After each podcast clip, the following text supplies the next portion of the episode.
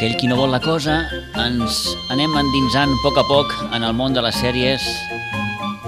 Els nostres seriòfils ja els tenim a punt, però també tenim a punt, de nou, en Joan. Joan, vinga, endavant. Doncs eh, salutacions de nou, Pitu, i salutacions amb en eh, Nacho Zubizarreta. Nacho, bon dia. Hola, molt bon dia. I salutacions a en Camil Villaverde, que també anava caminant i he vist que s'ha segut, sembla que a terra de nou. Sí, a terra. Aquesta és la, la crua realitat dels periòfils. doncs escolta'm, eh, intentarem, intentarem anar fent via una miqueta perquè avui, avui Pitu, ens han presentat eh, o ens porten una sèrie de recomanacions que a mi m'han enganxat. Eh? Avui, avui no, he, no he acabat els trailers als 10 segons com a vegades, a vegades faig, oi? sinó que, que els hem anat tirant. I per tant, doncs, eh, li demanarem a en Jordi que ja comenci amb la primera. Estimado señor Genovés, le rogamos venda las acciones necesarias de su propiedad hasta poder entregarnos 50 millones de euros. De no ser así, una persona elegida al azar morirá.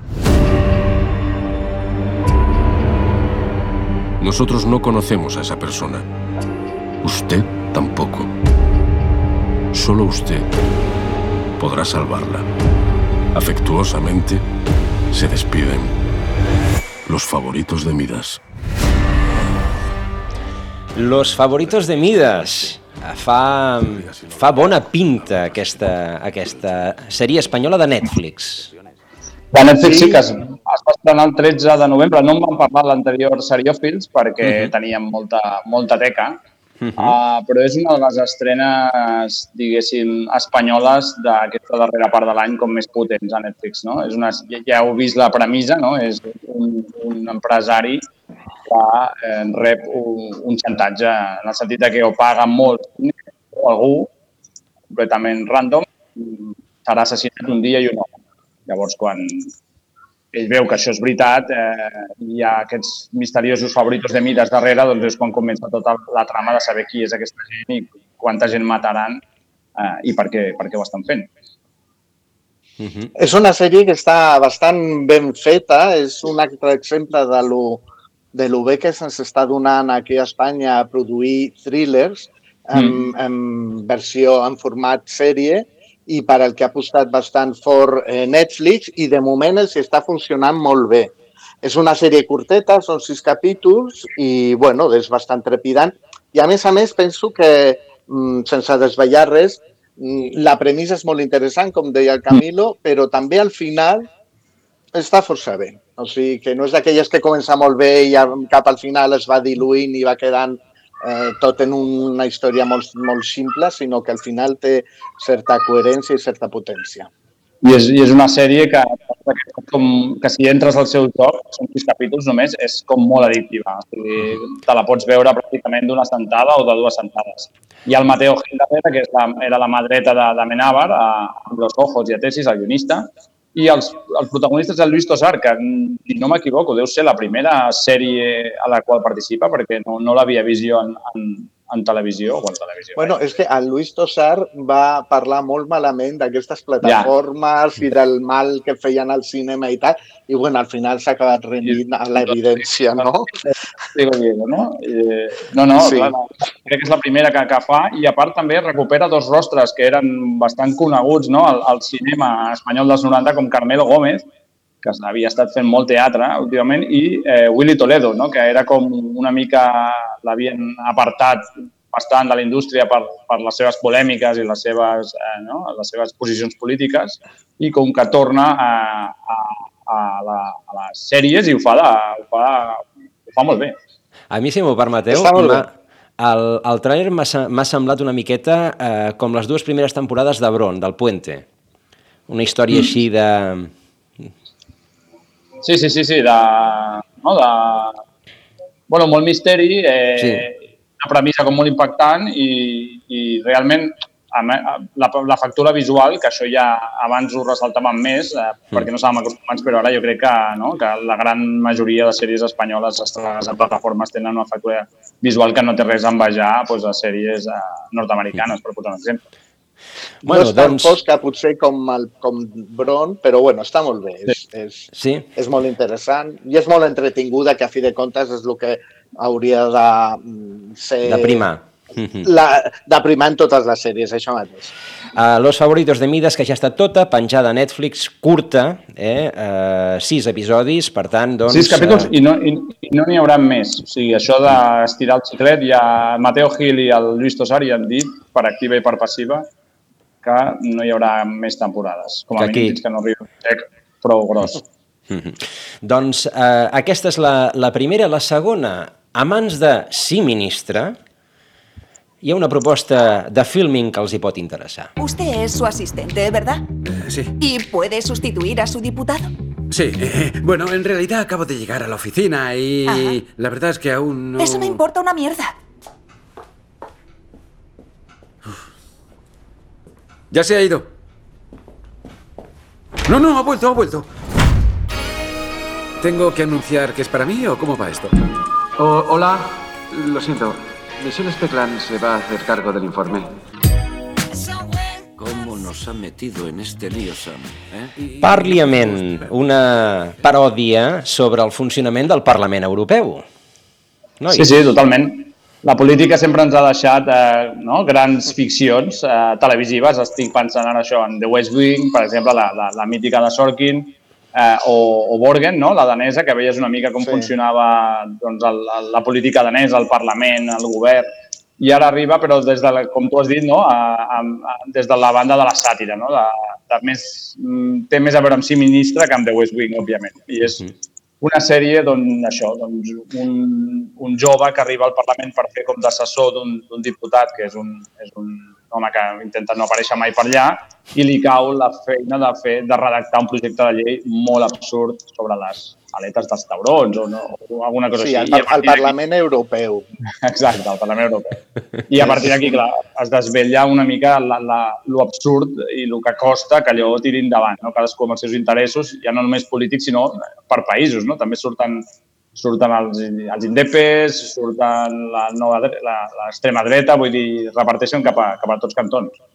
Sí, i també una mica amb la idiosincràsia de cadascun de les cultures que conformen el, a Europa i que es veuen reflectides al Parlament Europeu. Una sèrie molt divertida. Sí, és divertit. És aquestes sèries que o, o dius mm, fan estimar molt tot el projecte europeu o dius en mans de qui estem i, i, i sortim d'aquí ja, saps? És, et deixa aquesta doble paradoxa.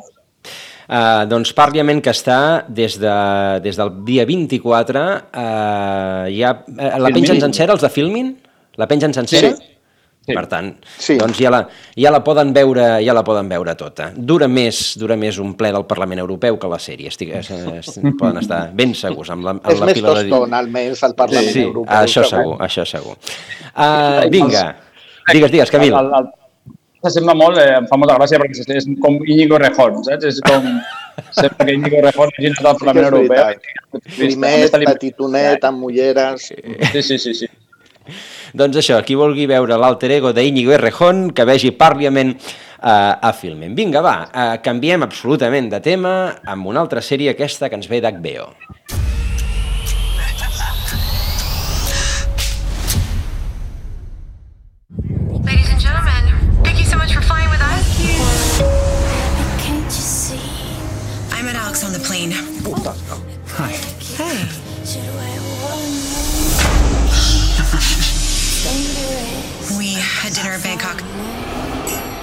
Went back to his hotel. There's no escape. I can't dangerous. I'm loving it. When I woke up in the morning, he was so alive. Però, sí, he was so alive, però no estava tan alive, estava ben mort al, al matí. Una assistent de vol que s'enrotlla amb un passatger i la cosa acaba malament. Flight attendant. Sí, la, la tornada de Kelly Cuoco, no?, a la televisió, a, després de Big Bang Theory, Nacho? Sí, a veure, és una...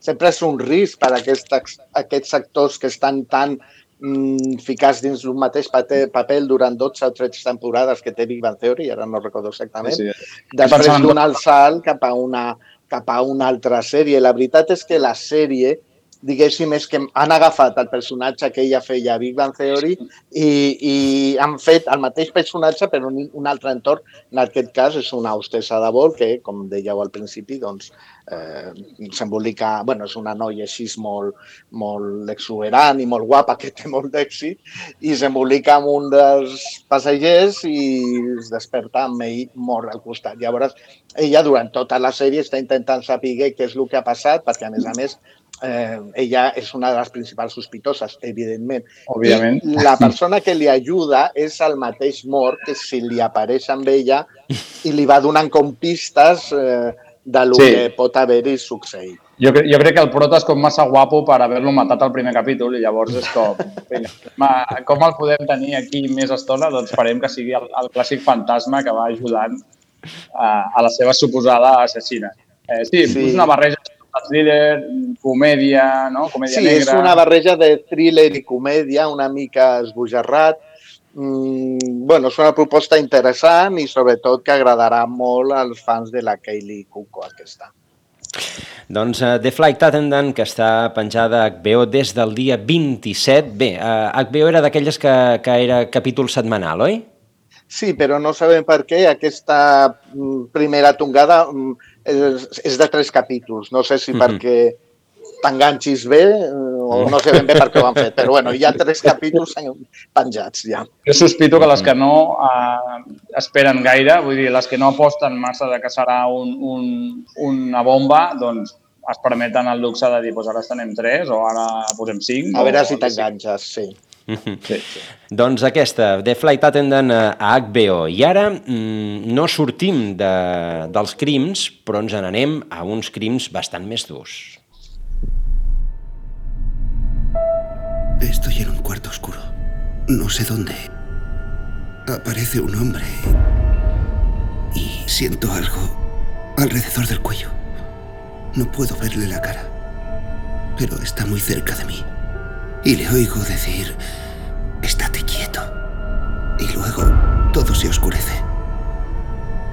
¿Ha visto a este hombre?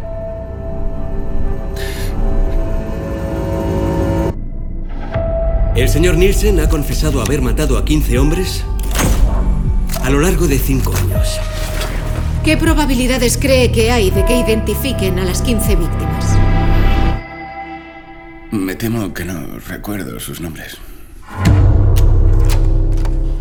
Una noche de copas en el Soho. I a partir d'aquí, doncs es va estirant del fil d'un fil que res és el que sembla amb, una, amb un afegitó interessant, basado en hechos reales. Sí, és d'aquest aquest gènere que està tan en boga no, darrerament, eh, tant en sèrie com en documental, que es, li diuen true crime, és a dir, True crime, això mateix. sèries o ficcions basades en, en casos de thriller d'assassinats reals. No? I aquest és un cas eh, que va commocionar l'opinió pública britànica, crec que va ser els 80, on eh, un home es va entregar voluntàriament eh, dient que havia comès un nombre bastant, bastant alt de- d'assassinats a- d'homes a Londres. No?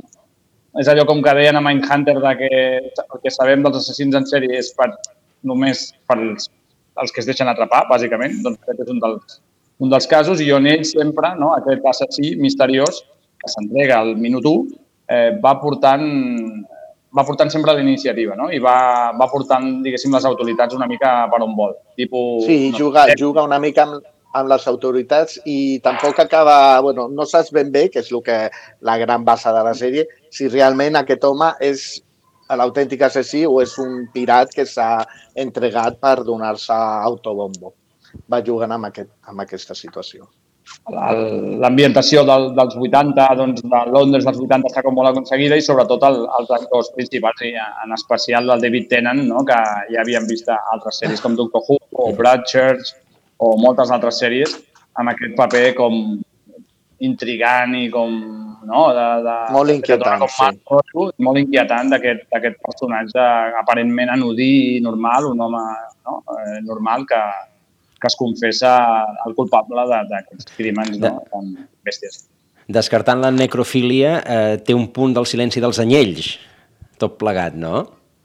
Sí, sí, té, té aquest, Sí, té aquest punt de, del silenci dels anys en sentit de psicòpata, no? com col·laborant, Mm. entre moltes cometes, amb les autoritats. Té aquest punt de Seven, no? que a meitat de pel·li Mm. s'entrega ell i tu dius, que a la meitat de pel·li ja s'ha entregat, per què? No? Eh, doncs eh, et dona aquest mal rotllo i aquest punt de cap on m'està portant, per què, per què és així. No? Sí, tota la sèrie és molt fosca, tots són molt interiors, planos bastant tancats, que donen sensació d'angoixa en tot moment. Uh, per cert que està a Stars Play, que no és, Stars una, de les, Play, sí, no és una de les clàssiques, aquesta. No, és una de les que exactament, perquè està... Parlem no? molt Té sovint d'aquesta, exactament. propostes interessants eh, i la podem veure a, doncs, a plataformes com Orange, Vodafone i en breu crec que Amazon també, en parlàvem l'altre dia, que Amazon uh -huh. acollirà Sí, s'ha plataformes. obert a altres plataformes minoritàries i segurament la inclourà. D'acord, Sí, sí. doncs eh, aquesta que té un nom molt curt, Des, que ja es pot també veure a, a Stars Play. I la última de les estrenes que ens presenten aquesta setmana, ens anem a Galícia amb accent clarament gallec. Te voy a echar mucho de menos. Amor, no me seas dramas, por favor, que estamos a dos horas en coche. Te vas a olvidar de mí, ya verás. No, eso nunca. Pero tú crees que voy a poder. Que a lo mejor no estoy preparada para volver a trabajar. Más exagerada. Qué suerte que te tocara el instituto aquí. Sabes que es el más bonito de Galicia. Dime que no es la primera vez que vas a dar clase. No, no, no. ¿Seguro? Porque me traes una carita. Yo no sé en qué carajo piensan estos de la Asunta mandando a alguien como tú. Te van a devorar en dos asaltos. Nada, que no llevas aquí ni cinco minutos y ya la estamos echando de menos. Se te da fatal, tío. La verdad es que le estás echando mucho valor. ¿Por qué? Let me Mujer, porque no creo que sea fácil sustituir a una profesora que se suicidó. Hablando, ¿eh? I a partir d'aquí, doncs ja es poden imaginar la trama. Eh, un grup d'adolescents amb pinta de psicòpates que ataquen, per dir-ho d'aquesta manera, amb una professora novata. Aquí, aquí plantes un carallo i ja és sèrie gallega, eh? I ets de Galícia. Tipus Mira, mira, mira Camil, que m'estic mirant ara Farinya i he pensat, mira, és el mateix.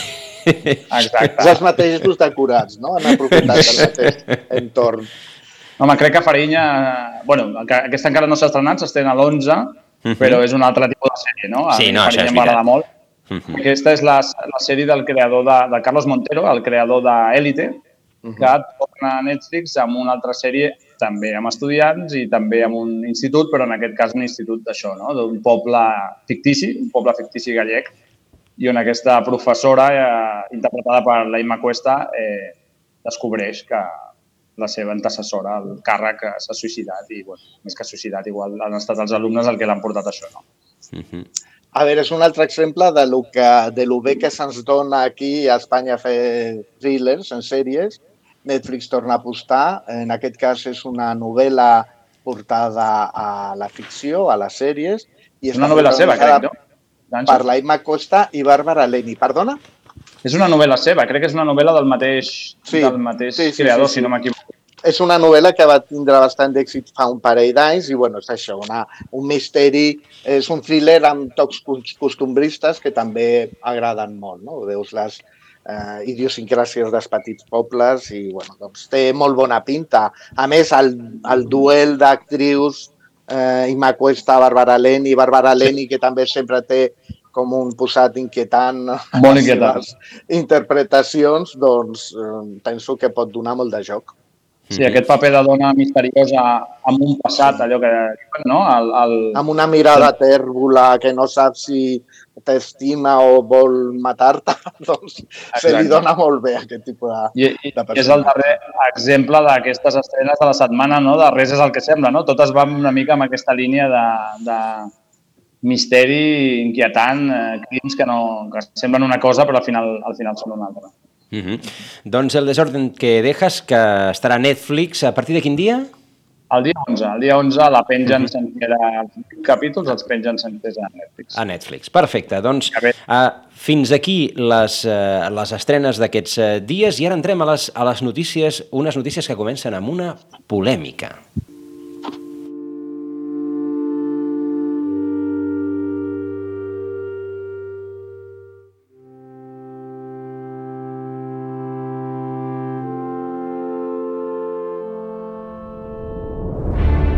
Solemnitat, que és la banda sonora de The Crown. I és que la quarta temporada de The Crown, més enllà d'aquell tràiler excel·lent de, de Margaret Thatcher i Isabel II en, el seu, en la seva primera trobada, es veu que no deixen gaire bé la monarquia, oi, nois? Doncs sí, eh, The Crown és la sèrie aquesta que segueix la vida de la reina Isabel d'Inglaterra i a les tres, les tres primeres temporades sortien, els Royals sortien bastant ben parats, sobretot la figura d'ella, com sempre molt en el seu lloc i tal. I aquesta quarta, amb l'arribada de Margaret Thatcher i sobretot l'arribada de, de Lady Di, mmm, doncs diguéssim que la família reial no... i la figura de la reina sofreix una mica de polèmica perquè se la retracta doncs, no, no tan posada en el seu lloc, sinó eh, bueno, doncs, amb, amb les seves deficiències i amb les seves eh, faltes. No? Sobretot en el que fa referència a Lady Di i mm, el retrat que fa dels seus fills, dels quatre fills de la reina d'Inglaterra, el Carles, l'Anna, l'Andreu i l'Eduard, que francament mm, se'ls sí. com nois consentís. No? Llavors, això ha aixecat molta polseguera, sobretot al Regne Unit, i de retruc, doncs, bueno, mm, es plantegen un seguit de qüestions mm, i una que sempre surt cada cop que s'estrena aquesta sèrie és si es podria fer una sèrie similar amb la família reial espanyola. Home, poder, eh, es, per la trama, eh, hi hauria uns quants. De, de sí, Bourbons, de Bourbons. Els experts, els, els experts del, te del tema diuen que per anècdotes i per biografies podria fer, Eh, una altra banda, si seria comercial o no, perquè, evidentment, Espanya com a país i la família real espanyola doncs, no té la repercussió mediàtica que tenen els royals anglesos i també que els personatges que envolten a la família reial, diguéssim en aquest cas els polítics, doncs bé, la Margaret Thatcher o el Churchill tenen repercussió mundial mentre que potser l'Adolf Suárez i el, i el Felipe González doncs, tenen interès local, però diguéssim que fora d'aquí tampoc. Llavors, per fer una bueno. sèrie d'aquesta magnitud que té un pressupost de 13 milions de dòlars per capítol, que es diu aviat, doncs segurament no seria rendible. Bueno, bueno, Nacho, però com tu pensa començar el capítol? No, ara no sé si jo m'estic ficant en problemes, eh? Però començar el capítol amb eh, el futur rei eh, disparant l'hereu al tro. Vull dir, pam, sí, comença... quan eren nens i estaven ah. casant, sí, sí, realment. O sigui, no, no, per, per anècdotes i per vivències no hi ha cap dubte de que podria ser una sèrie interessant. Un, eh, es diu que no, no es podria arribar a fer per això, per la per repercussió que té, seria molt local. I després, a nivell ja més social o polític, diuen que encara el nostre país, Espanya, no està preparat per fer una sèrie on realment es parli obertament de el que és o el que implica o el que ha sigut o el que està sent la família reial, no? I això, bueno, doncs, Ma, tenim, tenim, bastant més avançat. Perdó? Tenim aquesta gran sèrie que ja, no? O, o ja sí, però això és, és com la, la, la Ventafocs mm, amb la perruca de la Letícia. No? La, la, Llavors... Versió, versió reial. O sigui que sembla que si en algun moment algun realment es volgués ficar amb aquest berenjenal, doncs tindria problemes perquè si amb tot el que està sortint de la família reial hi ha certs sectors del país que encara eh, dificulten que es pugui investigar d'una manera oberta les qüestions econòmiques del rei emèrito, doncs no et dic res si sí. volen treure tot la, el que hi ha darrere i que sabem a mitges o no sabem directament. No? Uh -huh. O sigui que de moment sembla ser que els borbons poden estar tranquils en tranquils. aquest sentit. Per cert que aquesta mateixa setmana el ministre, em sembla que era el ministre de Cultura del Regne Unit, havia demanat a la BBC que digués explícitament que allò que es veu a The Crown és ficció. Després, després de... de... o sigui que la cosa, la cosa a va veure, és que hi ha, hi ha moments eh, bastant, bastant intensos, no? Com, eh, hi ha moments de la vida quotidiana, per exemple, quan hi ha un moment que la reina d'Inglaterra li diu al Carles si tu realment vols ser rei, i ell diu, sí, sí, jo vull arribar a ser rei d'Anglaterra, i ella li diu, doncs, fes el favor de comportar-te com tal perquè ho estàs fent francament malament. O els seus enfrontaments amb la Margaret Thatcher, que jo penso que és el millor de la sèrie, les, els Mm. diàlegs que tenen entre totes dues, que s'estan dient de tot, però amb aquesta flema britànica de t'estic llançant punyals a dojo, però t'ho dic amb molta elegància, mm, són meravellosos, Jo, meravellosos. jo crec que és la grandesa no, d'aquesta sèrie, de, de, de saber que és ficció, però que pensar que el 95% de les coses que estan veient podien haver estat perfectament així, no? Eh, tothom s'ho... vull dir, Vaja, veus la sèrie i t'imagines perfectament que si això no va ser així, va ser d'una manera molt semblant, o podia haver estat així, no? I, I també passa una altra cosa, probablement, eh, que és que, que és que com més ens acostem a l'actualitat, més fresc Clar. tenim el record de les coses Sí. que estem veient. És a dir, És veure, la, ve, veure la, eh, la coronació l'any 53 i si, i si el Felip volia estar darrere la retransmissió televisiva o no, mm, doncs és una Sí. cosa que queda en el passat, però... Però clar, la Lady Di... Eh, És molt recent, encara. La, la té recent moltíssima gent, no? I és una icona, és una icona pop, no? Lady Di ja, ja, no, ja va molt més enllà no? de la família reial.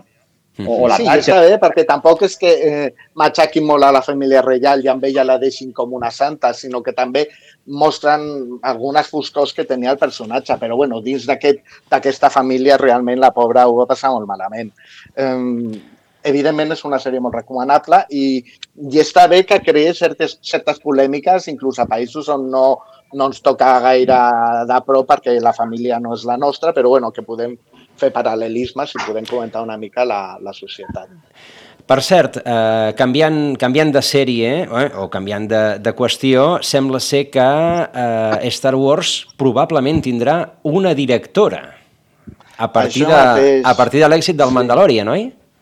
Això mateix, des de que eh, Disney va comprar Star Wars, va posar al capdavant de, la, de les franquícies de George Lucas a la Kathleen Kennedy, que era una dona molt vinculada a Steven Spielberg tota la seva carrera, i aquesta dona mm, sempre havia tingut la teoria de que Star Wars, que tenia personatges femenins bastant potents, en algun moment hauria d'estar mm, dirigit per alguna dona, no?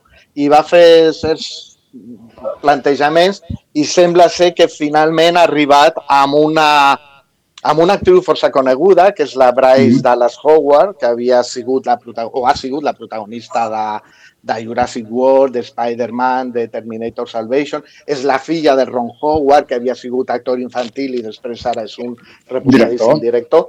Total, que aquesta dona tenia interessos en dirigir i mm, han agafat, han aprofitat la segona temporada de The Mandalorian i ha dirigit dos capítols que penso que són el quart i el capítol 11 i bueno, es veu que s'han sortit bastant bé i llavors ha començat a sonar amb força per ser potser no, en, un, en un futur no gaire llunyà directora d'una de les pel·lícules que cada dos anys s'estrena Disney sobre l'univers Star Wars. I realment el quart capítol de, de Mandalorian està, està, està molt bé.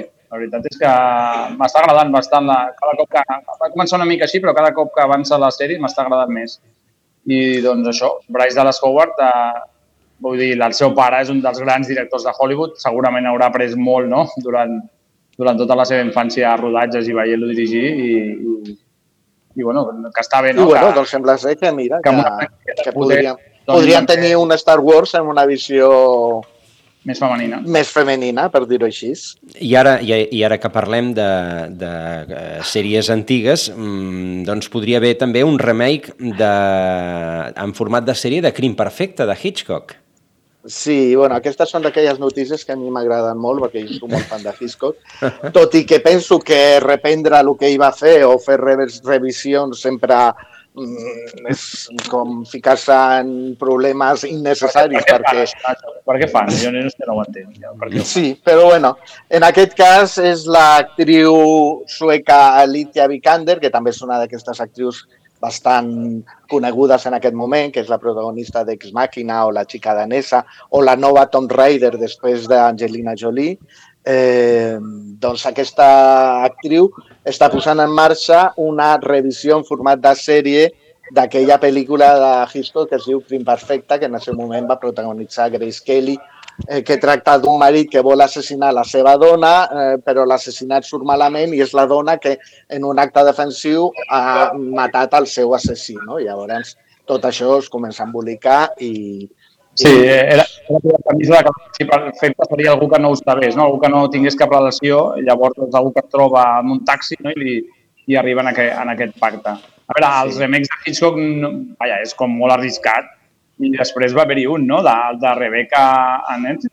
Fa res es va estrenar una versió nova de Rebecca que, bueno, és infumable. O sigui, sembla mentira com, com la mateixa història explicada de dues maneres diferents una et captiva i es converteix en un clàssic i l'altra dius, però quina xorrada més gran. Però bueno, coses que passen. Uh, I ara us he de demanar, tenim uh, 7 minuts, què preferiu? Que repassem les sèries que se'n van uh, o les renovacions o que ens n'anem a la sèrie de que tothom parla? Ràpid. A mi m'és igual, Nacho, tria tu. Doncs parlem de la sèrie aquesta, que ara està molt de moda, que és Gambito Clar. de Dama, no? Perfecte, doncs Jordi, l'últim tall. Men are gonna come along and want to teach you things. Doesn't make them any smarter. You just let them blow by, and you go on ahead and do just what and how you feel like. Someday you're gonna be all alone, so you need to figure out how to take care of yourself. Tell the readers of life how it feels to be a girl among all those men. I don't mind it. Chess isn't always competitive. Chess can also be beautiful. You're an orphan, Beth. Els escacs no són només competició, també poden ser bellesa. És el que ens diu la protagonista de Gambito de Dama, que és la sèrie de moda que està arrasant per tot arreu, la sèrie més vista de Netflix de tota la història, mm -hmm. i només són set capitolets. Exacte, és aquesta sèrie que no saps per què, eh, amb molta boca-orella, suposo, eh, acaba convertir-se en, un, en un fenomen, no? I es va estrenar una mica així sense grans sense grans promocions i s'ha convertit en la sèrie de, de la que tothom, tothom està parlant. No? A més, una sèrie com molt particular. Hi ha el títol, no? Gambito de Dama, que has de, has de si no estàs en el món dels escacs, doncs et sona tot bastant, bastant estrany. Wikipedia uh, va molt bé per això, eh? Exacte, lliga molt bé. Eh, I protagonitzada per, per l'Anna Taylor-Joy, que a mi em semblava ja una actriu, és la protagonista de Múltiple, eh, una actriu sensacional i que carrega completament amb, amb, amb tota la sèrie eh, d'aquesta dona, d'aquesta jove eh, en el món del, dels escacs professional i com es va obrint pas en un món no? com molt particular i molt masculí, més en aquella època, perquè està ambientada no? als, als 50, 60, no, Nacho? Sí. A veure, la sèrie eh, és una gran sorpresa, penso que inclús per Netflix, és una sèrie també molt curta, són set capítols, està basada en una novel·la del mateix nom, eh, a la que després han afegit també anècdotes o històries o visions d'altres novel·les o d'altres jugadors com el, com el mític Bobby Fischer. No? És, una, és la història de superació d'una dona jove que eh, comença la seva vida d'una manera molt complicada, arriba a un orfenat i ahir, a partir d'aquí doncs, bueno, va intentant desenvolupar-se i el, els escacs és una mica una metàfora de com ella s'enfronta a la vida i s'enfronta als seus problemes. Eh, jo penso, a veure, no és una sèrie que expliqui res molt novedós, ni ho fa d'una manera molt novedosa, però sí que el, el que fa ho fa molt bé. Eh, el director i el guionista és el mateix, que ho tinc aquí, eh, Scott Frank, que això li dona, penso que bueno, aquest home agafa la història i la fa molt seva, eh, està molt ben rodada, està molt ben ambientada i penso que un dels grans atractius de la sèrie pel que està sent tan comentat és el que deia el Camil fa un moment, i és la protagonista, l'Anya Taylor-Joy, que havia estat a múltiple, com ha dit el Camil, i també a La Bruja, on va començar molt joveneta. És una actriu nord-americana però de procedència argentina, que parla castellà perfectament amb un accent argentí que fa, molt, fa molta gràcia quan l'assents mm, en entrevistes i tal, no? I, i té una mirada i té un posar i té una, una intensitat descomunal mm, i és una de les bases més importants de la, Sí, és que- de la sèrie. És que té, que té seqüències com, com molt difícils, perquè són seqüències a vegades que està ella sola. No? I Sí. t'ha de, de, ha de carregar ella sola, no, no té diàlegs, ha de carregar ella sola en totes les seqüències i te, la, i te les menges d'una manera que, que et podries quedar mirant 5 minuts més la, la, una seqüència així, no? I això és com, és molt difícil, molt, realment molt difícil. I a part, el que has dit, que està molt ben feta. Visualment, a mi em sembla que és com molt, una meravella molt cuidada i té aquesta ambientació que em porta una mica a Mad Men, no? Allò dels 50, Sí. 60, tens la part sòrdida de l'orfenat i tal, però també tens aquesta part de glamour, dels escacs... Sí, després exploten molt aquest tema de que ella es torna en una dona molt glamurosa. És una noia molt guapa i llavors la, la posen bé i això sempre resulta atractiu. I, i, i amb els meus mateixos problemes de, de Don Draper, no? en aquest sentit també de Mad Men, de, de qui, qui sóc realment i com no m'agrada qui paper que estic fent i doncs, em refugio en què? Doncs amb la beguda, amb les drogues, amb, no? amb, amb aquesta fredor eh, emocional, no? em porta una Sí. mica a, a, no té res a veure, eh? però no sé per què porta una mica aquest... Eh, és una sèrie també amb molts matisos. Aprofita els escacs, que és un molt, molt masculí, per també reflectir una mica quina és la seva eh, relació amb, amb, amb els homes tan familiars, perquè tant el seu pare com després el, el pare adoptiu doncs, no són realment positius per ella, eh, Mm. i també les seves relacions, no? Ella és una dona que no sap relacionar-se, de fet és una noia que està absolutament sola, amb una soledat tremenda, mm, i els escacs reflecteixen molt bé això, no? És un joc solitari que estàs tu i mentalment t'estàs enfrontant amb un altre que normalment és un home, no? I a, més, i a més, els, els, en aquest món tan friqui que és dels escacs, no? que hi ha gent com molt, molt fanàtica, doncs els grans jugadors, els grans mestres dels escacs s'han vist la sèrie i realment hi ha cosetes, però, però diuen que està molt bé, que està molt ben reflectit el món dels escacs i fins i tot un comentava el tema de les mans. Diu que es nota que les mans, sobretot quan ja van tornejos, no són seves, sinó professionals, perquè a la manera que mouen es mouen com mans de, de, de jugadors d'escacs professionals. No? I, I ho hem de deixar aquí, ho hem de deixar aquí. ho hem de deixar aquí perquè... Ting, la campana ja sona. En, ens ha sonat el rellotge de les escacs. Acabem la partida. Eh, gràcies a tots tres. Gràcies, que vagi molt bé. Que vagi molt bé. I a vostès moltíssimes gràcies també per acompanyar-nos un dia més. Demà hi tornem a partir de les 9. Que vagi molt bé. Adéu-siau.